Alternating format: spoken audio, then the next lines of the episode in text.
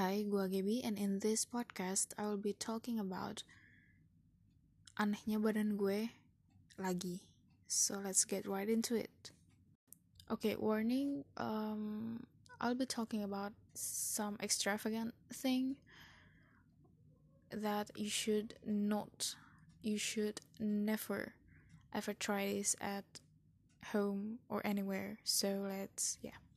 Kita mulai sekarang. Oke, di podcast kali ini gue akan membahas soal strength badan gue dan um, kenapa gue tidak bisa mengontrol power gue. Which is actually fine if you have like a normal strength. But the thing is, I never got into the real strength that I have. Gue terbiasa dengan menahan power gue sendiri. Oke, okay, listen. Power yang gue bicarakan di sini itu power yang benar-benar dari otot otot atau you know your your body just your body not a superpower one. So ya yeah, pasti akan ada juga orang lain yang relate sama ini. Oke kita lanjut.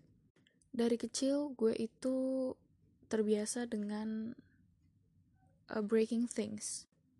Dan biasanya yang gue break itu sesuatu yang tidak seharusnya gampang rusak. Contohnya gelang and anything gue bahkan pernah um, merusak lemari terus batang pohon dan semua itu sebelum gue sekolah.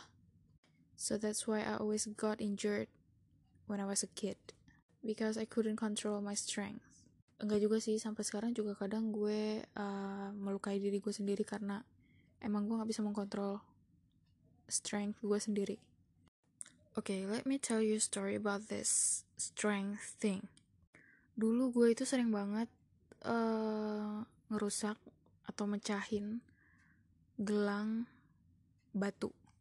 Ini tuh bukan gelang batu rock, like literal rock, but this is like a jade bracelet that usually Chinese people wear. So yeah, um, gelang oma gue pernah gue rusak, nyokap gue juga kayaknya hampir semua dan itu terjadi bukan karena memang gue lempar secara sengaja enggak. Usually gue main dengan gelang itu karena gue udah tahu gelang itu tuh gampang banget uh, pecah. Jadi kayak gue pasti duduk di uh, lantai terus gue main mainin gelang itu yang ada di lantai. Jadi kayak cuma gue ambil dan itu juga nggak sampai jauh banget dari uh, lantainya karena gue sendiri takut kalau itu sampai pecah. So usually gue ngangkat gelang itu tuh paling ya 3 cm atau 5 cm dari um, lantai. And when I put it back down it just broke into pieces. I don't even know how. I just gue bahkan nggak ngerti kenapa itu bisa terjadi. Itu kayak nggak keotakan di gue. Oke yang kedua. Ini tuh um, di you know rumah lama gue. Dulu waktu gue kecil. Gue itu dulu suka banget main di uh, halaman depannya karena nyokap gue itu nanemin banyak banget pohon. Dan kayak banyak tanaman-tanaman juga ada rumput-rumputnya. Jadi tuh dulu kan lagi trending banget sama film petualangan Sherina. You know yang dia masuk-masuk ke hutan gitu-gitulah. Nah jadinya dulu gue waktu itu mengidolakan Sherina banget gue jadi suka banget main di halaman depan rumah gue. Karena emang tempat pohon-pohon dan tanaman-tanamannya mak gue itu mirip banget setnya sama si hutan-hutan itu. Apalagi kan gue masih kecil ya masih pendek jadi kayak pohon-pohon itu tuh kelihatan gede banget dan mirip sama hutan. Oke jadi karena banyaknya pohon banyak juga tumpukan-tumpukan uh, daun-daun kering atau ranting-ranting yang emang udah patah. Jadinya bapak gue tuh kadang suka ngeberesin itu dengan matahin dulu ranting-ranting yang panjang terus baru dibakar. Nah gue ngerasa bokap gue tuh kayak keren banget pas uh, matahin rantingnya dengan tangan dan pakai pahanya, kakinya. Terus gue akhirnya nyoba. gue nggak tahu kan kayak kriteria batang yang lebih susah untuk dipatahkan itu yang mana atau lebih gampang dipatahkan itu yang mana jadi gue main asal ambil aja ranting yang segede bapak gue punya gue dengan kekuatan gue yang gue tidak tahu gue nyoba gue berhasil matahin itu dan gue bangga banget. Nah tapi tuh bokap nyokap gue yang panik karena kayak gila anak umur di bawah tiga tahun mematahkan ranting setebal itu. Well long story short ternyata paha gue memar tapi emang gue nggak sadar aja kalau ada memar karena gue tidak merasakan apa pun. Oke okay, say hi again to my high pain tolerance. Yes yang ketiga ini juga yang paling bahaya sih menurut gue. Jangan ditiru di mana pun. Warning sekali lagi. Oke okay, gue pernah um, mencoba untuk mengikuti emak gue. Kalau yang tadi gue ngikutin bapak gue sekarang emak gue. Jadi gue dari kecil sering banget ngeliat emak gue kalau melakukan sesuatu itu saat tangannya lagi mengerjakan sesuatu juga pasti pakai kaki kayak misalnya pas dia lagi nyapu tangan kanan pegang sapu tangan kiri pegang serokan sampah terus kaki kirinya pasti ngejepit tisu yang tidak terangkat misalnya. Atau e, ngebuka pintu pakai kaki atau nutup pintunya ditendang pakai kaki. Nah akhirnya gue mencoba untuk melakukan hal itu juga karena menurut gue itu keren. Tapi yang gue tendang itu bukan pintu rumah karena pintu rumah kan gede banget. Dan gue waktu itu masih kecil kayak masih SD jadi um, dulu itu ada satu lemari buat tempat TV di tengah terus ada dua uh, lemari sisinya. Itu ditaruh boneka-boneka gue sama mainan-mainan gue. Nah terus ada saat malam-malam itu gue mau ngambil mainan gue dan gue kayak berpikir ah gue coba ah gue tendang pakai kaki gue buat nutup pintunya pasti keren mind you uh, pintunya itu tuh kayu kusennya tapi tuh ada aksen kacanya gitu. Jadi kayak uh, kayak jendela lah tapi berbingkai. Ya kayak jendela biasa ada bingkai kayunya terus tengah-tengahnya ada kaca-kaca gitu. Nah gue salah perhitungan. Gue menendang di bagian kacanya dan gue inget banget gue kan nendangnya itu tuh nggak kenceng gitu loh.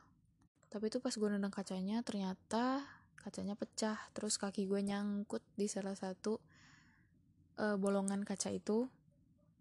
Terus kayak kacanya tuh ya ya itu jadinya pecah ke kaki gue. Dan semuanya pecah. Kayak kayunya pun sampai apa ya yang tengahnya tuh goyang. Bokap nyokap gue panik dikira kaki gue luka karena kena kaca dan segala macam. Akhirnya gue ditarik keluar dari lemari itu karena kaki gue nyangkut. Terus uh, mereka meriksain kaki gue kaki gue nggak kenapa-napa dan karena gue nggak kenapa-napa jadinya gue dimarahin. Ya diomelin lah istilahnya. Semenjak dari kejadian lemari kaca itu tuh uh, bokap nyokap gue tuh jadi takut banget punya sesuatu dari kaca. Apalagi dengan gue. Jadi kayak barang-barang pecah belah tuh mereka takut banget kalau gue ada yang pegang. Jadi dari setelah gue menendang lemari kaca itu sampai gue gede itu gue nggak pernah dibolehkan untuk membawa sesuatu yang gampang pecah gampang rusak. Nyokap gue juga bahkan gak membolehkan gue untuk membawa telur. Alhasil pas gue akhirnya ngekos dan gue harus tinggal sendiri lalu gue developing a habit to cook food when I stress gue susah banget untuk bawa telur. Karena kayak gue pegang aja gue literally gue cradle like a baby telur-telur itu tuh bisa pecah di tangan gue.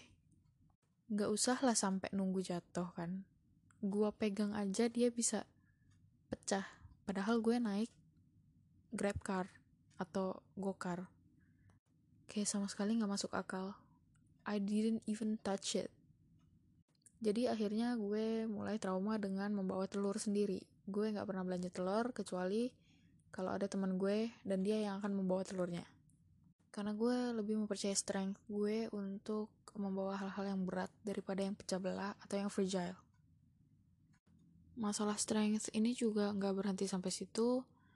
Um, I guess itu sih yang membuat gue jadi gampang banget bentuk otot. Karena gue selalu akan memilih untuk melakukan hal-hal atau pekerjaan-pekerjaan yang tanda kutip berat. Ya abisnya gimana? Gue nggak bisa untuk melakukan hal-hal yang um, apa ya membutuhkan ketelitian kelembutan. Ya karena gue nggak bisa mengontrol strength gue sendiri. Jadi di tempat kuliah pun setiap ada event itu gue pasti bagian yang ngangkat-ngangkat barang pindah-pindahin barang segala macam yang kayak gitu. Yang biasanya akan selalu dibilang pekerjaan cowok. Like um, mungkin gak semua cowok bisa melakukan hal itu karena kondisi kesehatan mereka atau kondisi badan atau everything like that. Dan gak semua cewek juga tidak bisa melakukan hal itu. Nah gara-gara hal-hal kayak gitu ditambah muka gue yang kayak bocah kayak orang-orang tuh jadinya suka mengunderestimate gue dan gue juga jadinya mengoverestimate mereka kebalikannya kayak oke okay, kalian berpikir gue lemah oke okay, gue merasa gue lemah jadi gue akan misalnya mendorong lo dengan kekuatan gue yang segini aja. And then little did I know they just flew off. Like holy shit.